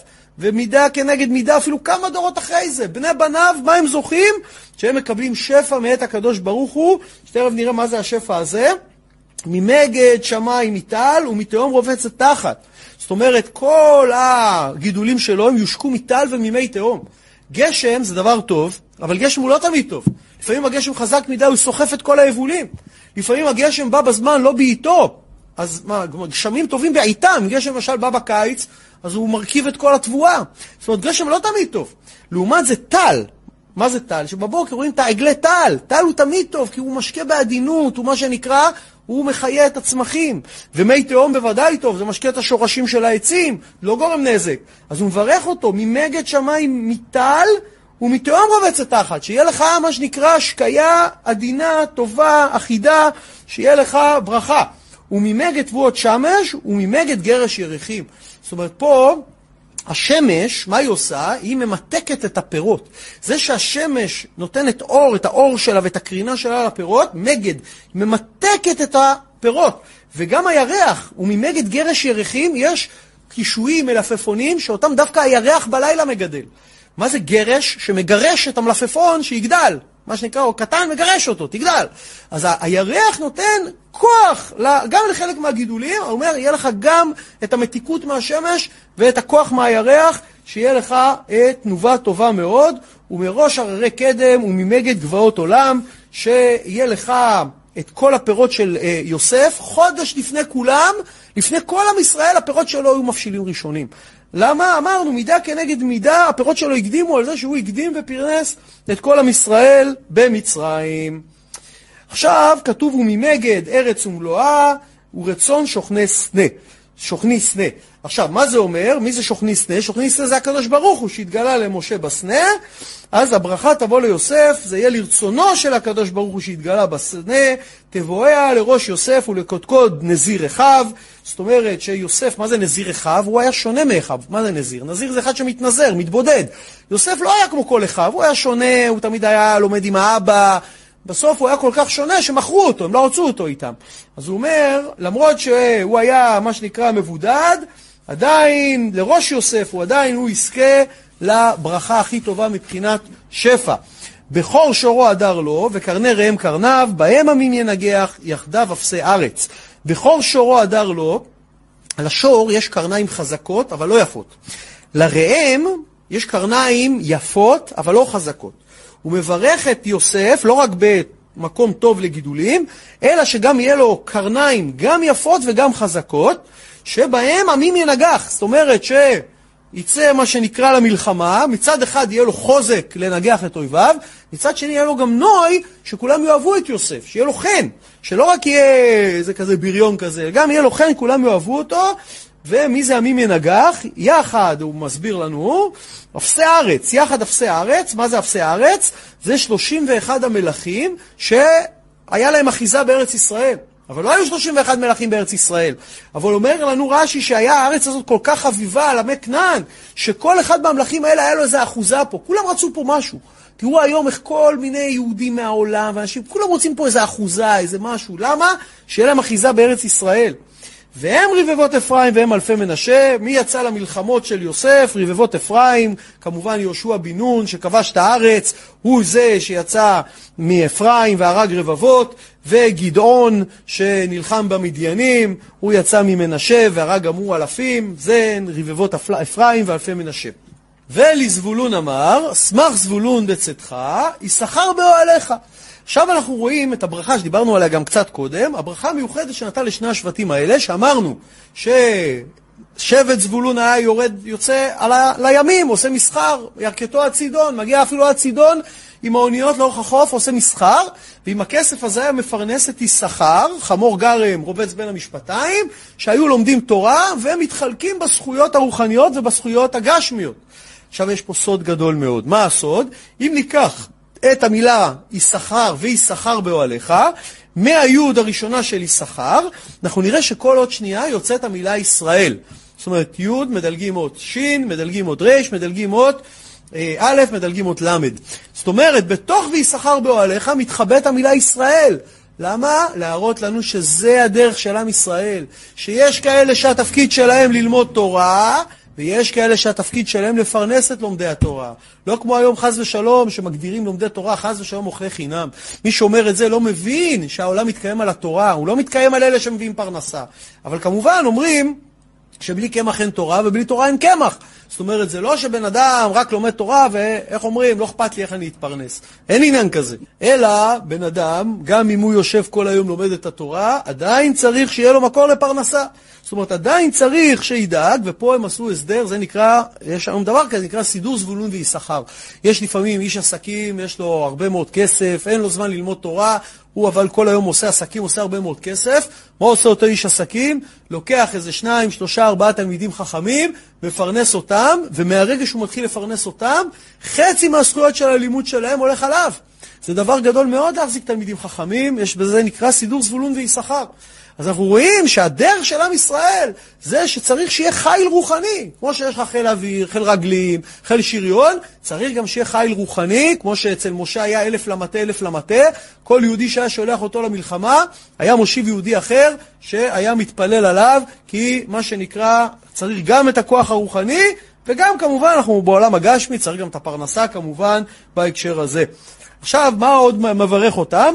עמי מר יקראו, שם יזבחו זבחי צדק, כי שפע ימים ינקו ספוני תמוני חול. מה אומר הפסוק הזה? המי מר יקראו, אז הוא אומר, פה רש"י בפשט מסביר, שהם היו, הלא אמרנו שבט זבולון היה עושה מסחר, אז עמים הר יקראו, היו באים עמים לסחור איתו, ואז מה זה הר? מי זה הר? הר המוריה, איפה שבית המקדש. אז היו באים כבר לעשות מסחר, הר יקראו, אמרו, רגע, אנחנו כבר הגענו לארץ ישראל, בואו נראה מה הסיפור של בית המקדש, כל כך מדברים על בית המקדש, בואו נלך נראה. אז היו הולכים להר המוריה, ואחרי שהיו רואים את הקדושה ואת העבודה ואת הכל, והיו רואים שהם אצלהם כל עם יש לו אליל אחר ושפה אחרת ואוכל אחר, ועם ישראל כולם מאוחדים, אותו אלוהים, אותו עניין, אז מה כתוב? זבחי צדק, יזבחו זבחי צדק. מיד היו מתגיירים וזובחים זבח צדק, פעם ראשונה בחיים שלהם זובחים לקדוש ברוך הוא ולא לאלילים. עכשיו, מה זה וספוני תמוני חול? זאת אומרת, שפע ימים ינקו וספוני תמוני חול. זה אומר שכמובן שפע ימים, את כל הפרנסה שלהם היו מקבלים מהים, ובנחלה של אה, אה, שבט יששכר וזבולון, היה להם גם משאבים מיוחדים. אחד המשאבים היה להם את הספוני תמוני חול, החילזון המיוחד הזה, שהיה יוצא פעם בכמה שנים, פעם בשבעים שנה, פעם זה, היה יוצא מהים, ומהחילזון הזה היו עושים את התכלת של הציצית. זה היה פרנסה מיוחדת שלהם, ויש אומרים שהכוונה לספוני תמוני חול, הכוונה לזכוכית, שמפיקים אותה מהצורן שבכל הים, שגם זה היה להם את האומנות הזאת, איך לעשות זכוכית, וכלי זכוכית בעולם העתיק היו נחשבים לדבר גדול מאוד, למשהו שהיה נמכר בכסף רב ביותר. עוד דבר, זה יש פה רמז לאחרית הימים, כמובן, אמרנו יש כמה רמזים. למשל, מה כתוב באחרית הימים? הלוא פה כתוב עמים מר יקראו. זאת אומרת שכל העמים ירצו לראות את בית המקדש. ומה כתוב לנו בישעיהו ב'? והלכו עמים רבים ואמרו לכו ונעלה אל הר השם, אל בית אלוהי יעקב, ויורנו מדרכיו ונלכה באורחותיו, שבאחרית הימים כל העמים ירצו, שם יזבחו זבחי צדק, לבוא להר, למה שנקרא, לארץ ישראל, ולעבוד את השם. כי שפע ימים ינקו, שכל העמים שיושבים לחופי הימים, מכל העולם יביאו את כל הזהב ואת כל הכסף שלהם לבית המקדש. אנחנו יודעים כבר בימי יוסף זה היה, שמכר להם את התבואה, אסף את כל הזהב מכל העולם. למה אסף יוסף את הזהב? כביכול נתן את זה לפרעה, אבל זה רק בפשט, הלוא איפה הזהב? מה, הזהב הזה ישב במרתפים של פרעה, ולמי? למי הוא שמר את זה פרעה, את הזהב הזה? לעם ישראל. כשעם ישראל יצאו ממצרים, לקחו איתם חלק גדול מהזהב הזה. ואחר כך בביזת הים, היה למצרים עוד חלק מהזהב הזה, לקחו גם את מה שהיה למצרים, בסופו של דבר כדי שיהיה להם זהב לבית המקדש. אז אנחנו רואים שיוסף אסף את הזהב מכל העולם, פרעה שמר להם 210 שנה על הזהב, ובסוף כל הזהב הזה הגיע לבית המקדש. אותו דבר יהיה באחרית הימים, אומר לנו בהמשך רש"י, שכל הארצות דואבות כסף וזהב לארץ ישראל, שתהא מבורכת בפירות, וכל הארצות מתפרנסות אימנה, וממשיכות לה כספם וזהבם, הכסף והזהב קלה מהם, שהם מדיבים אותם לארצם, לארציכם. זאת אומרת, אומר לנו רש"י, שבסוף כל העמים את כל הכסף והזהב שלהם יביאו לאן? לארץ ישראל, לבית המקדש, ומה זה ספוני תמוני חול? זה רמז לתחיית המתים, שכל אלה, שמה זה ספוני? ספוני זה מכוסים.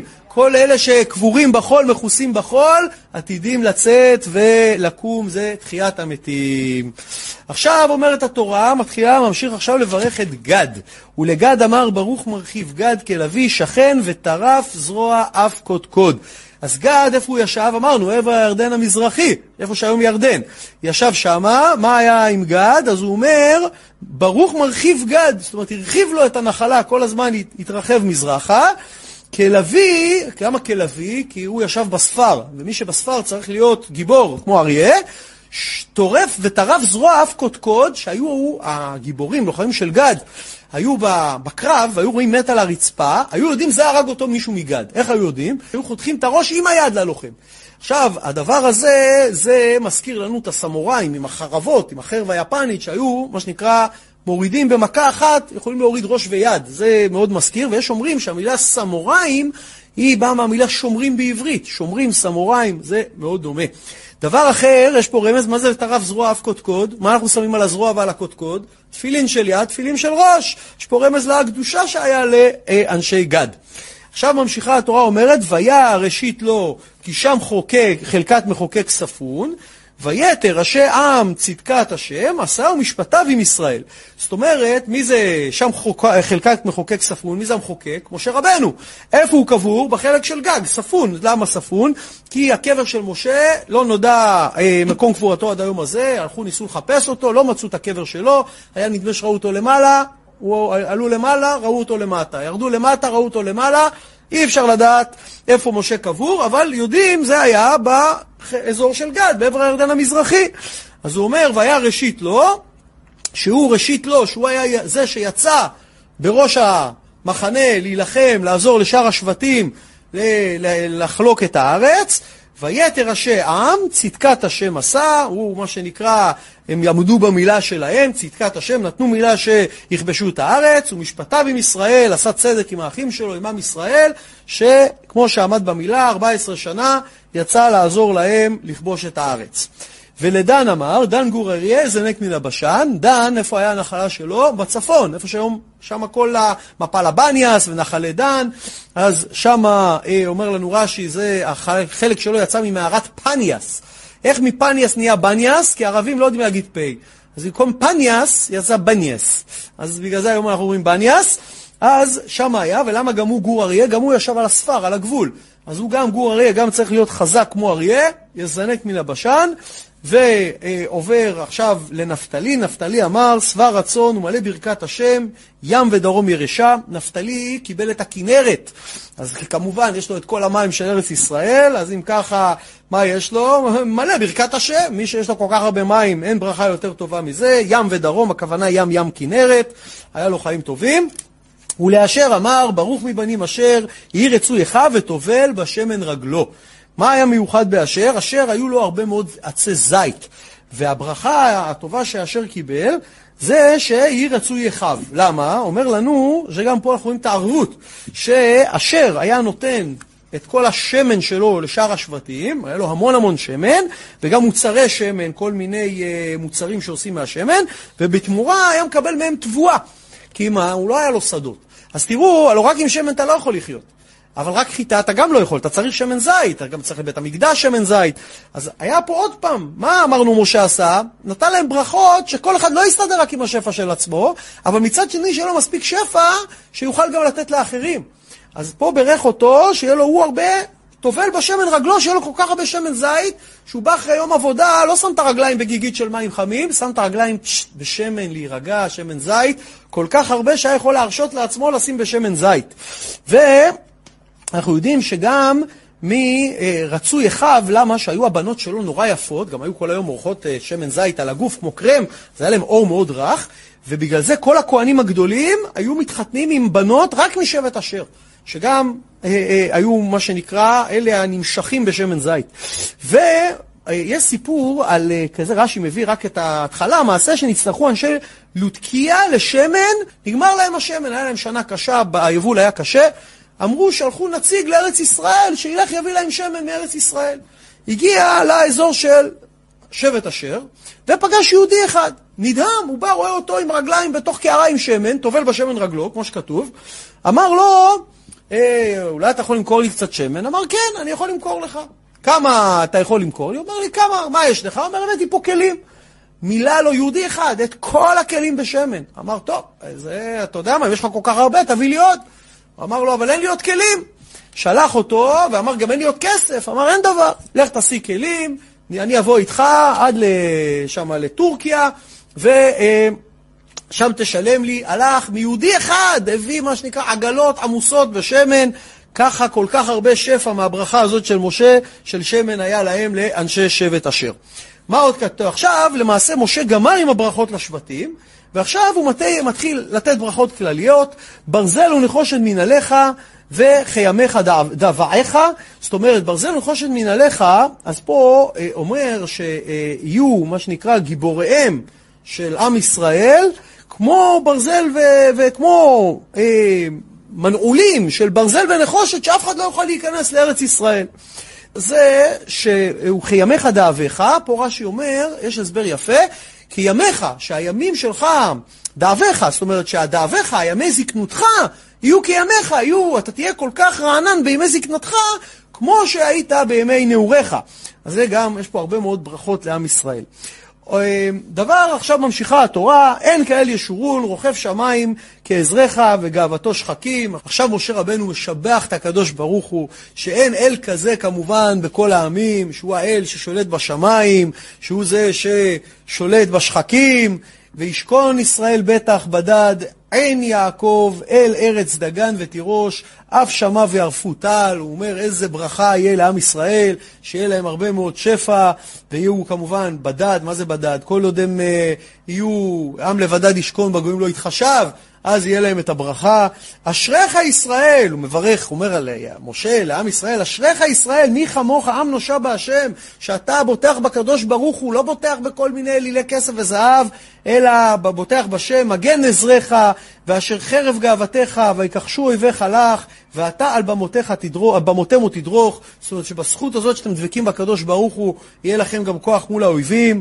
ועכשיו מתחילה התורה לסכם את סוף המהלך, משה גמר לברך את עם ישראל, ועכשיו משה מתכונן למיטה. ויעל משה מערבות מואב אל הר נבו, עולה להר שממנו הוא כבר לצערנו לא ירד, ראש הפסגה, אשר על פני יריחו, ההר הזה נמצא פחות או יותר מול יריחו מצד ירדן, ויראהו השם את כל הארץ, את הגלעד עד דן. הקדוש ברוך הוא מראה לו עכשיו לא רק את הארץ פיזית, מראה לו עכשיו את כל נקרא לזה ההיסטוריה העתידית. זאת אומרת, מה שהולך לקרות עם כל השבטים עד אחרית הימים ובו משיח. מה זה עד, עד דן? מראה לו את שבט דן, איך הם עבדו עבודה זרה ומה קרה להם, ואת כל נפתלי ואת ארץ אפרים ומנשה ואת כל ארץ יהודה עד הים האחרון. זאת אומרת, מראה להם את כל השבטים ואת כל המלכים, אומר להם, אומר למשה, אתה רואה, אני מראה לך את כל המנהיגים. אתה רואה שאתה לא תהיה במנהיגים האלה. מפה תבין שאתה לא הולך להיכנס לארץ ישראל. מראה לו את הכל, וכתוב עד הים האחרון. ורש"י אומר, אל תקרא הים האחרון, אלא היום האחרון. זאת אומרת שמראה לו עד היום האחרון של העולם, עד אחרית הימים, מראה לו את כל העתיד לבוא, אפילו אותנו פה עכשיו הראה לו, ואת ההנהגה שלנו, ומה יקרה, ואיך נתקבץ פה חזרה. למה הוא מראה לו את כל זה? למה הקדוש ברוך הוא מראה למשה רבנו לא רק פיזית את ארץ ישראל. א', הוא רוצה להראות לו שלא שייך שייכנס. משה רבנו הגיע לדרגה הכי גבוהה של בן אנוש יכול להגיע. אין, לא היה שייך, הלוא למה משה רצה להיכנס לארץ ישראל? להשלים את התיקון שלו. משה חשב ש... הלוא אומרים, הלוא יכול מפריה הוא צריך, לסבוע מטובה הוא צריך. הוא אמר, יש המון מצוות שאני הבאתי להם שקשורים בבית המקדש, ביקורים, ומצוות של שביעית, ויובל. וכל מיני מצוות שקשורים בארץ, אני לא יכול לקיים אותם. רצה להיכנס, לבנות בית מקדש. אמר לו הקדוש ברוך הוא, לא. אתה אם תיכנס זה יהיה ירידה מבחינתך, אתה כבר הגעת לדרגה הכי גבוהה. אני מעלה עליך כאילו עשית את הכל. לעומת זה, בני ישראל, התיקון שלהם היה כן להיכנס לארץ ישראל וכן לבנות את בית המקדש, כי הם בדרגה אחרת. אז הוא מראה לו, בכוונה מראה לו את הכל, שיראה שלא שייך שהוא לא צריך להיכנס לארץ ישראל. ואת הנגב, ואת כיכר, הכיכר, בקעת יריחו, עיר התמרים, הצוהר, הכל הראה לו. עכשיו, הוא לא סתם הראה לו, הלוא יש התחייבות שהקדוש ברוך הוא התחייב לאבות, שאחרי שירדו למצרים, לאברהם, ברית בין הבתרים, שאחר כך יוציאו אותם ברכוש גדול ויביאו אותם לארץ ישראל, לארץ זבת חלב ודבש. עכשיו, איך הקדוש ברוך הוא יראה לאבות שעמד במילה שלו? בעצם זה שהראה למשה, ומשה יכול להעיד שראה את העתיד, אומר לו הקדוש ברוך הוא, עכשיו תלך לעבוד ותגיד להם שעמדתי במילה שלי. וזה אומר הפסוק הבא, ויאמר השם אליו, זאת הארץ אשר נשבעתי לאברהם, ליצחק וליעקב. אתה רואה? זאת השבועה שנתתי להם. לאמור לזרעך אתננה, הריתיך בעיניך ושמה לא תעבור. אני מראה לך, לא, כן, אתה לא צריך לעבור, אבל אני רוצה שתלך לעבוד ותגיד להם שם, אני עמדתי במילה שלי, בגלל זה הראה לו את העתיד. וימות שם משה עבד השם בארץ מואב על פי השם. זאת אומרת, משה מת במקום הזה, מה זה על פי השם? זה נקרא מיתת נשיקה. מה זה מיתת נשיקה? הוא ראה, משה, שאהרון מת אה, אה, מקודם, אז אה, מה שנקרא בהור ההר, אז הוא, הוא ראה שאהרון נשכב על המיטה, פשט את ידיו, רגליו, פתח את פיו, והקדוש ברוך הוא התקרב אליו, והנשמה שלו נשאבה החוצה והתחברה לשכינה. ומשה חמד את המיטה הזאת, הוא גם רצה למות ככה. מה זה, למה זה דומה? זה אם יש נר קטן עם שלבת קטנה ומקרבים אליה אש גדולה, האש הגדולה יונקת אליה את האש הקטנה, והנר נחבא. אני ראיתי את זה בעיניים, פעם בל"ג בעומר, שזרקתי נר למדורה, כל פעם שבאה להבה גדולה, היא, היא ינקה את האש על הנר, כיבתה אותו. אם לא הייתי רואה את זה, הקדוש ברוך הוא, ברוך השם, הראה לי את זה בעיניים, איך אש גדולה יונקת אש קטנה מנר. אז מה הוא אומר לו? אומר לו, הקדוש, אומר משה, אני רוצה מיטה כזאת, אמר לו, ייתן לך.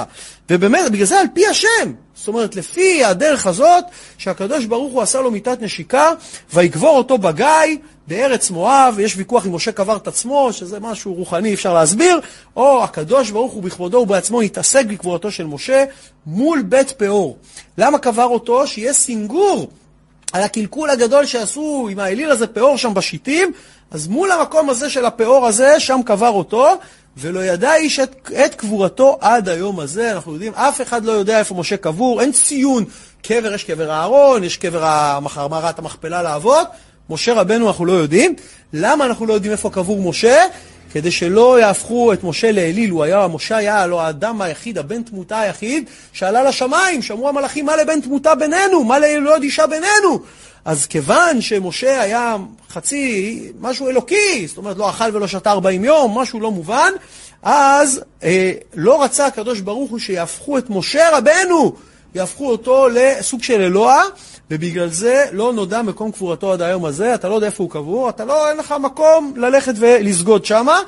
ומשה בן 120 שנה במותו השלים את מה שנקרא את ימיו, נולד בזין באדר, מת בזין באדר, לא קעתה עינו ולא נס, לא נס לחו, שהעין שלו הייתה צלולה, לא היה צריך משקפיים, ולא נס לחו, גם הפה שלו לא נזל כלום, היה מה שנקרא בשיא כוחו גם ביומו האחרון.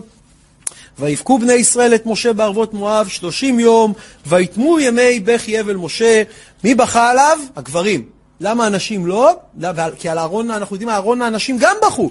כי אהרון היה אוהב שלום, משכין שלום, אוהב את הבריות, מקרבן לתורה, משכין שלום בין גבר לאשתו, בין שכן לשכנו, אז גם הנשים כולם, על משה, אומרים לנו שרק הגברים בכו עליו, לא כמו אצל אהרון, אבל שלושים יום, ויהושע בן נון מלא רוח חוכמה, כי שמח משה את ידיו עליו, אמרנו פי שתיים נתן לו כוח, וישמעו אליו בני ישראל, בני ישראל ממושמעים, הולכים עכשיו עם יהושע, ויעשו כאשר ציווה השם את משה, ולא קם נביא עוד בישראל כמשה, אשר ידעו השם פנים אל פנים.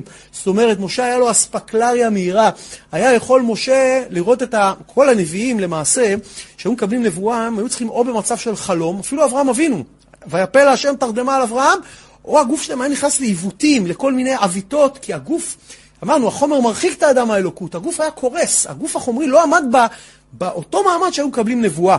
משה היה היחיד שהיה יכול לקבל נבואה כמו עבד אצל רבו, מה שנקרא, תלמיד אצל רבו היה יכול לדפוק, להיכנס, והיה עומד על שתי רגליו, מקבל את הנבואה, מה שנקרא אספקלריה מהירה, פנים אל פנים.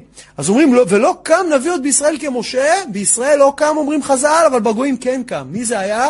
בלעם. בלעם זה לעומת זה עשה אלוקים, נתן לו את אותו פוטנציאל כמו למשה, כי לא יכול להיות שייתן כוח בקדושה ולא ייתן כנגד כוח בטומאה. בגלל זה אנחנו יודעים מיד אחרי שהסתלק בלעם, גם משה רבנו אחרי מלחמת מדיין, שבאותה מלחמה הרג את בלעם, מיד אחרי זה גם משה היה צריך להסתלק, כי שיהיה איזון בבריאה בין כוחות הטומאה לקדושה. לכל האותות והמופתים אשר שלחו השם לעשות בארץ מצרים, לפרעה ולכל עבדיו ולכל ארצו, זאת אומרת שמשה רבנו הוא היה זה שנבחר לעשות את כל המכות על מצרים, את כל המופתים כמובן, ולכל היד החזקה ולכל המורא הגדול אשר עשה משה לעיני כל ישראל, ופה מסביר בלי רש"י לא היינו מבינים מה זה היד החזקה. היד החזקה זה שמשה, שקיבל את הלוחות הראשונים וידע שישראל חוטאים בעגל, תפס אותם, וכתוב, ויוחז אותם בידו, למה היה צריך לכתוב שיחז אותם? למה שעשה בהם קניין, כדי שבני ישראל לא, לא יוכלו לקבל אותם, שהוא יוכל, אם זה שלו, לשבור אותם, כדי שעם ישראל לא יהיה להם קטרוג חס ושלום. זה מספרים לנו משל למלך שהרס אישה. וכשנסע המלך, הוא לא התחתן איתה, נסע, בינתיים השפחות שנתן לה, שישמרו עליה, הם מה שנקרא זנו וקלקלו אותה גם בזנות. וכשחזר המלך, שמע את זה, רצה להרוג אותה. מה עשה השטחן? לקח את הכתובה, קרא אותה. אמר למלך, אדוני, היא עוד לא אשתך, אין לכם עדיין כתובה, אין כלום, אין לך שום מילה להרוג אותה. אותו דבר מה עשה משה, לקח את הכתובה, את לוחות הברית, אחז אותם, עשה בהם קניין, הגבה, שבר אותם על הרצפה, כדי שלא יהיה מה שנקרא קטרוג על עם ישראל, כביכול קיבלו ועברו על הזה, אז אם לא קיבלו את עשרת הדיברות, אז לא שמרו אנוכי השם אלוקיך, לא תעשה לך אלוקים אחרים על פניי, מכאן שלא, איך אומרים, קלקלו, זנו בעגל, אי אפשר, אה, לא, על דבר הזה לא יהיו ראויים למיתה. אז אומר לנו רש"י, והקדוש ברוך הוא אמר לו, אשר שיברת, יישר כוח ששיברת. זאת אומרת, הקדוש ברוך הוא הסכים לעניין הזה שמשה שבר את הלוחות. אז אנחנו, למעשה, בפסוק הזה מסתיימת התורה, ואומר לנו הרבי מלובביץ', ובזה אנחנו נסיים, שעם ישראל של ימינו, זה הוא אמר במאמר באתי, באתי לגניח אותי כלה, אמר שהדור שלנו, הדור האחרון לגלות ודור הראשון לגאולה. זאת אומרת, אנחנו למעשה, אנחנו אותו דור שהוא מדבר עליו, אנחנו אותו הים האחרון, היום האחרון, זה התקופה שלנו. בזמן הזה כל הברכות צריכות להתקיים, בזמן הזה אנחנו צריכים להתאחד, כי האחדות היא זאת שתציל אותנו, ובזכות האחדות אנחנו נזכה לברכה, לאותה ברכה שברך משה בני ישראל, בעזרת השם. בחג הקרוב, בשמחת תורה, כולנו נעלה לתורה, נתאחד יחד כל עם ישראל, ובזכות הזאת יבוא במהרה משיח צדקנו, ונזכה לגאולה האמיתית והשלמה, במהרה בימינו ממש, אמן ואמן, ברוכים תהיו, שיהיה השיעור הזה לעילוי נשמתו של הרב הצדיק שלי, ברוך אברהם בן חיים יצחק צבי, ולזכות אה, עילוי נשמתו של סבא שלי, פנחס בן אברהם דוד, ולזכות שכל עם ישראל יעשו תשובה, אמן ואמן.